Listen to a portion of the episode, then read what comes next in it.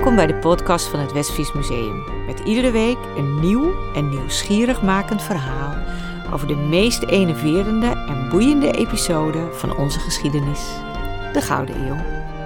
Aflevering 7: Verzamelen in de Gouden Eeuw. Je hebt ze in vele soorten en maten. Verzamelaars en hun verzameling. Van Franse impressionisten tot kindersurprise eieren, vrijwel alles wordt verzameld. Voor de een een leuke hobby, voor de ander een levensvervulling. Die verzamelaars doen er echt alles voor. Ze stropen het hele internet af, alle beurzen, rommelmarkten en kringloopwinkels om net dat ene ontbrekende object aan de verzameling toe te kunnen voegen.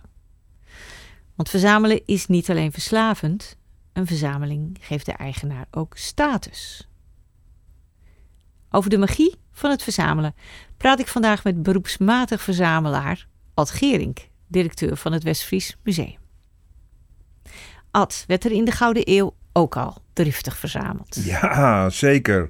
Vooral uh, door de uh, elite. Zij verzamelden met name geld, macht en aanzien. Ja, kijk, maar dat is dus niet helemaal het verzamelen wat verzamelen wat ik bedoel. Nee hoor, dat begrijp ik. Nee, ik maak maar een grapje. Nee, er werd in uh, het Nederland van de 17e eeuw ook al driftig uh, uh, verzameld. Okay. aan het Hof bijvoorbeeld, door de Oranjes. En die volgden daarmee eigenlijk het voorbeeld van alle andere Europese uh, vorsten. Want eigenlijk uh, sinds de 14e eeuw, toen de familie de Medici in uh, Florence begon met het aanleggen van een verzameling van kunst en antiquiteiten. dat zijn voorwerpen uit de Griekse en Romeinse oudheid.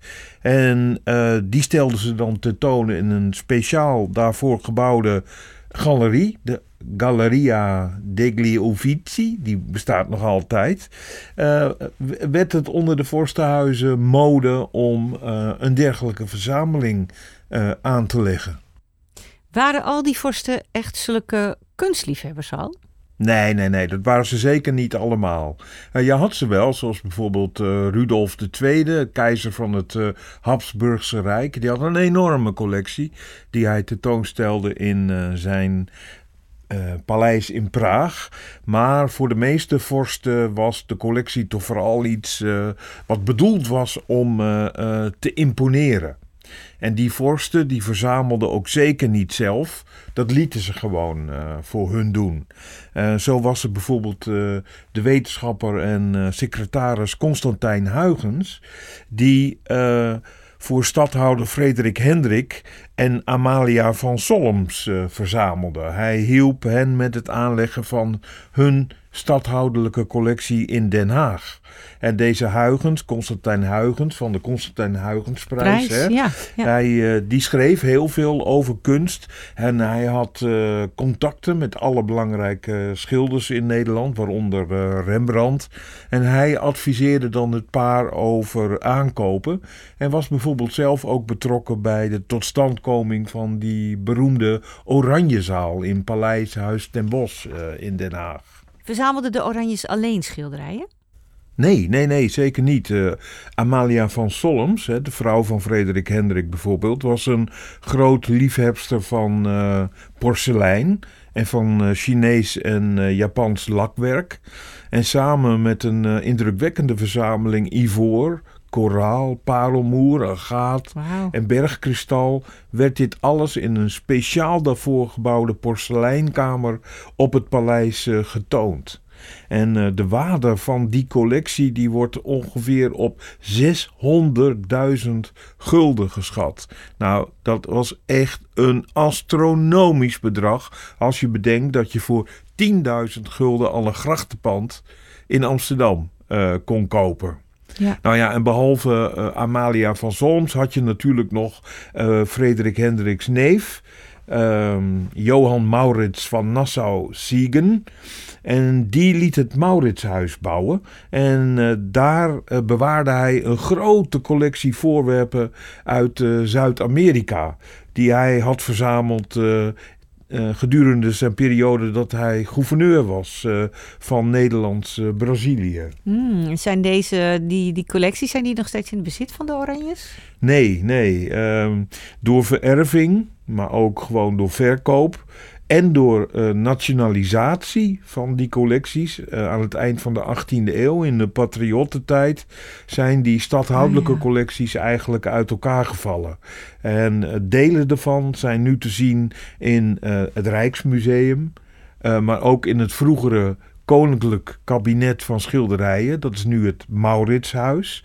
En nog maar een heel klein deel is nog altijd eigendom van, uh, van de Oranjes, van het Koninklijk Huis. Ja, maar ik neem aan dat de, de stadshouders en de Oranjes niet de enige verzamelaars waren in, uh, in het Nederland van de Gouden Eeuw. Nee, nee, zeker niet.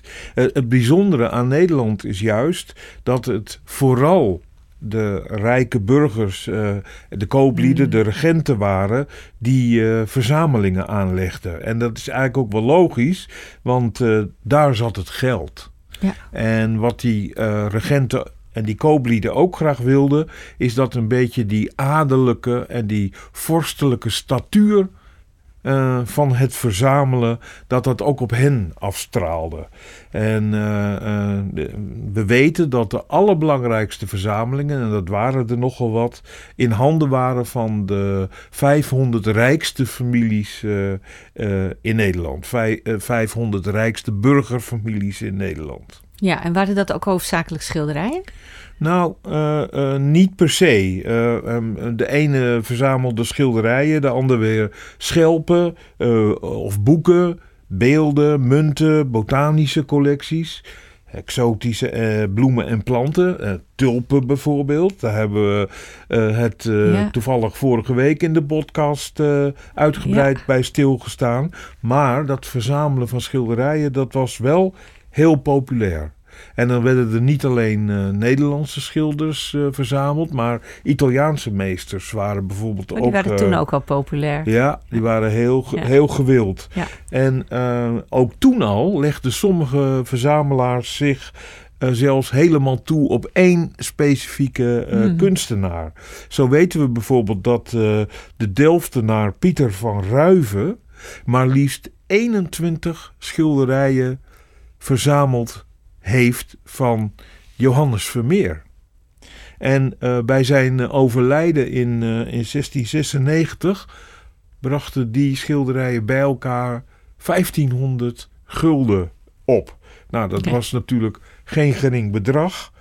Maar ja, het staat niet ja, in verhouding tot wat nee. die 21 schilderijen tegenwoordig ja, uh, op een veiling op zouden ja, brengen. Tuurlijk. Ja.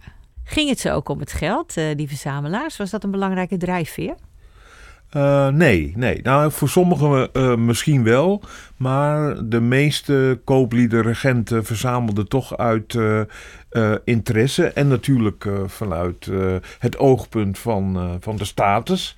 Wat, ja. een, een aanzien, wat de verzameling met zich meebracht. Maar vaak hing dat verzamelen ook samen met iemands beroep.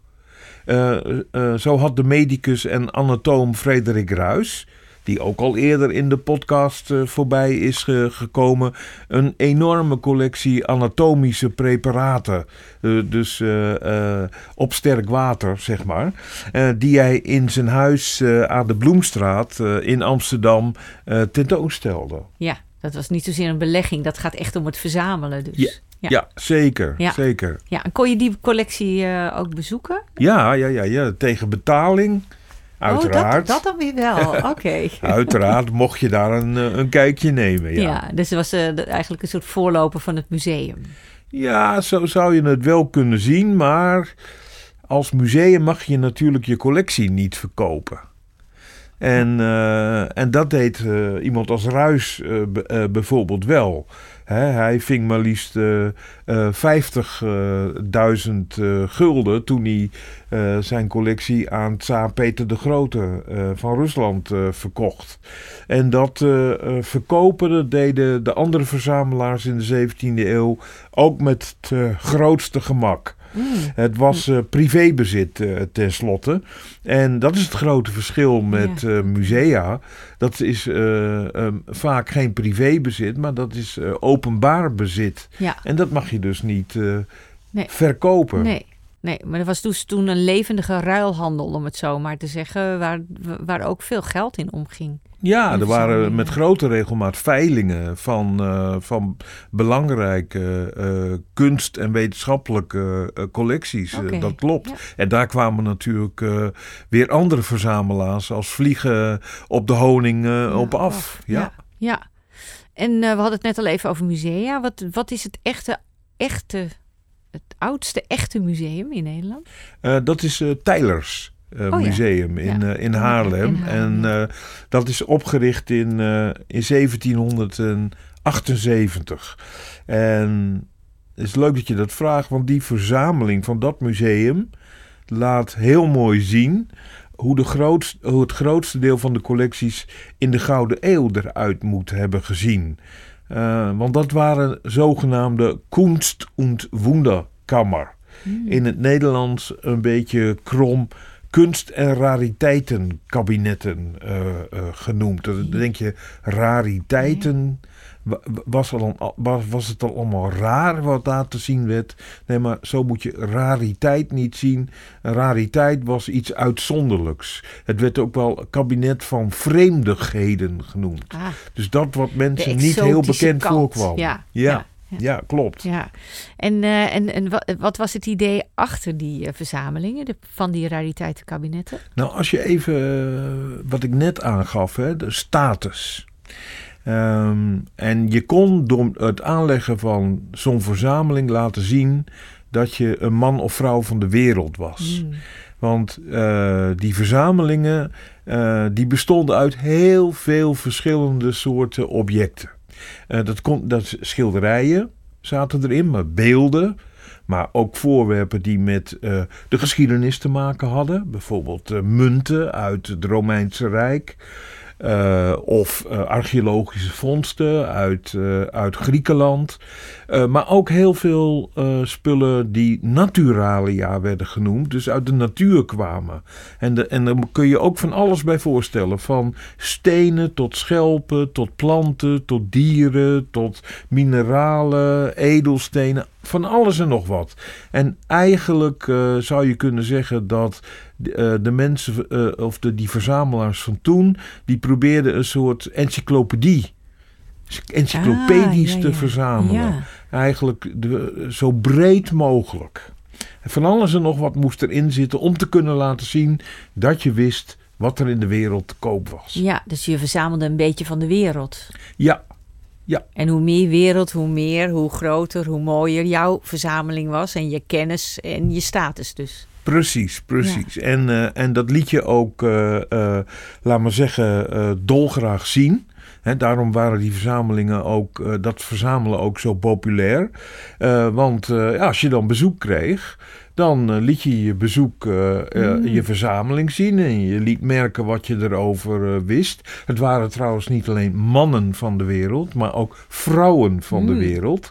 Want in het uh, Westfries Museum staat nu de tentoonstelling over Johanna Koerten, uh, de knip-Minerva van de Gouden Eeuw. Maar van haar is uh, bekend dat zij ook zo'n uh, Kunst- had. Met hele bijzondere objecten daarin. Nou ja, en daar ontving ze dan haar gezelschap op niveau. En dan sprak men over kunst en wetenschap en over hoe de natuur in elkaar zat. En dan ja, dan was het natuurlijk de kunst om de ander te overtroeven met, met je kennis. Het was eigenlijk ook, je zou kunnen zeggen, een soort gezelschapsspel.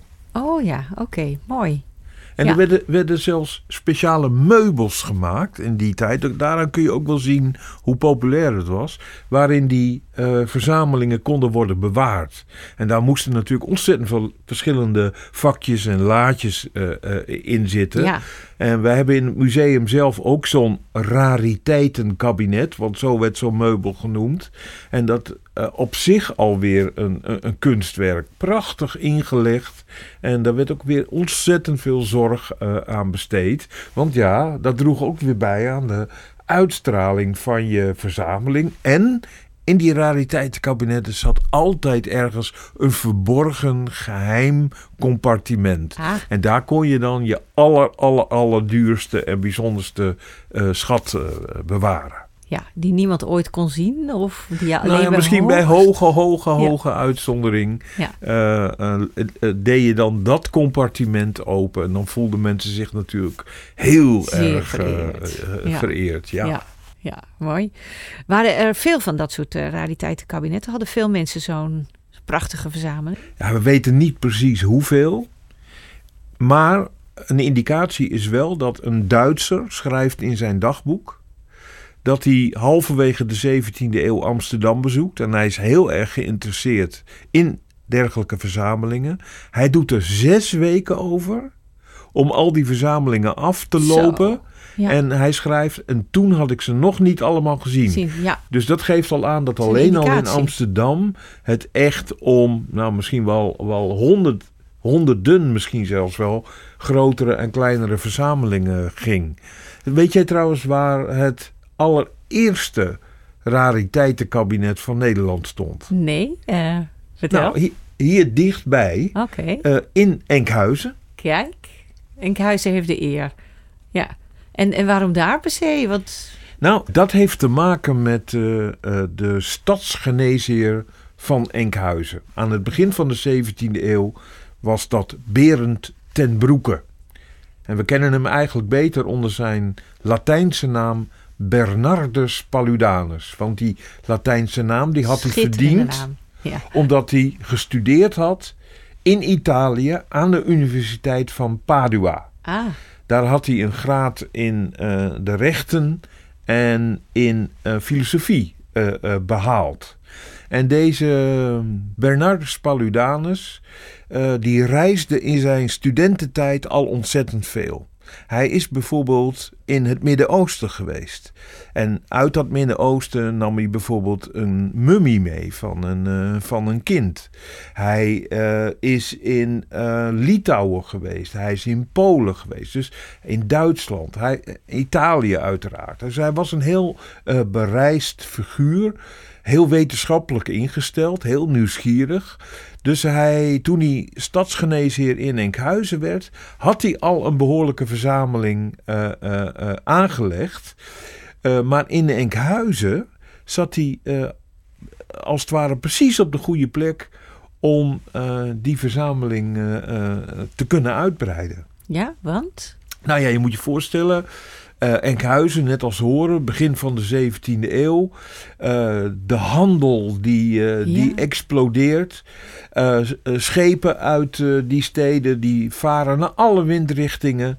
Komen eigenlijk in Azië, in Afrika, in de Amerika's, in de Caraïben, eh, het Middellandse zeegebied. Overal komen die schepen.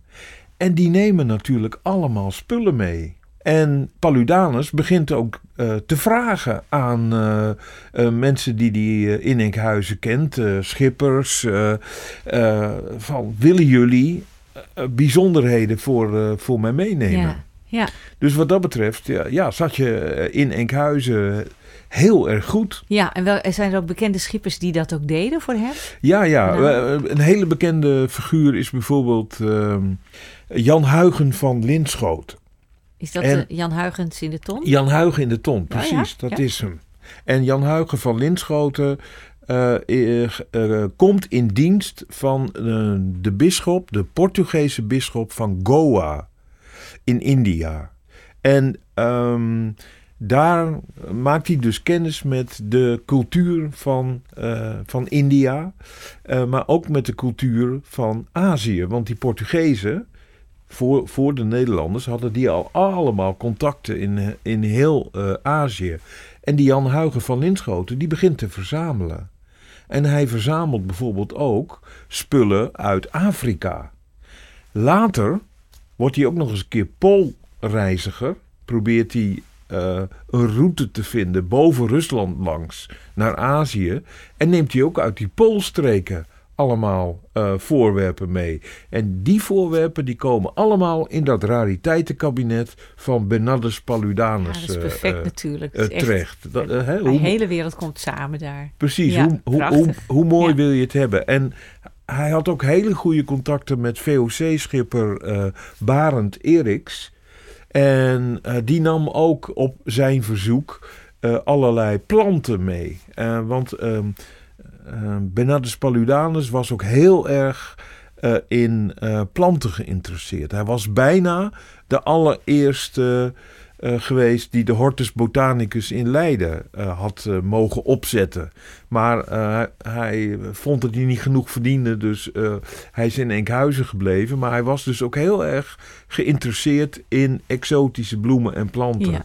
Nou ja, en daar heeft hij dus heel wat van naar Enkhuizen gehaald. Ja. En dat moet dus ook heel bijzonder zijn geweest voor de inwoners van Enkhuizen, stel ik me zo voor.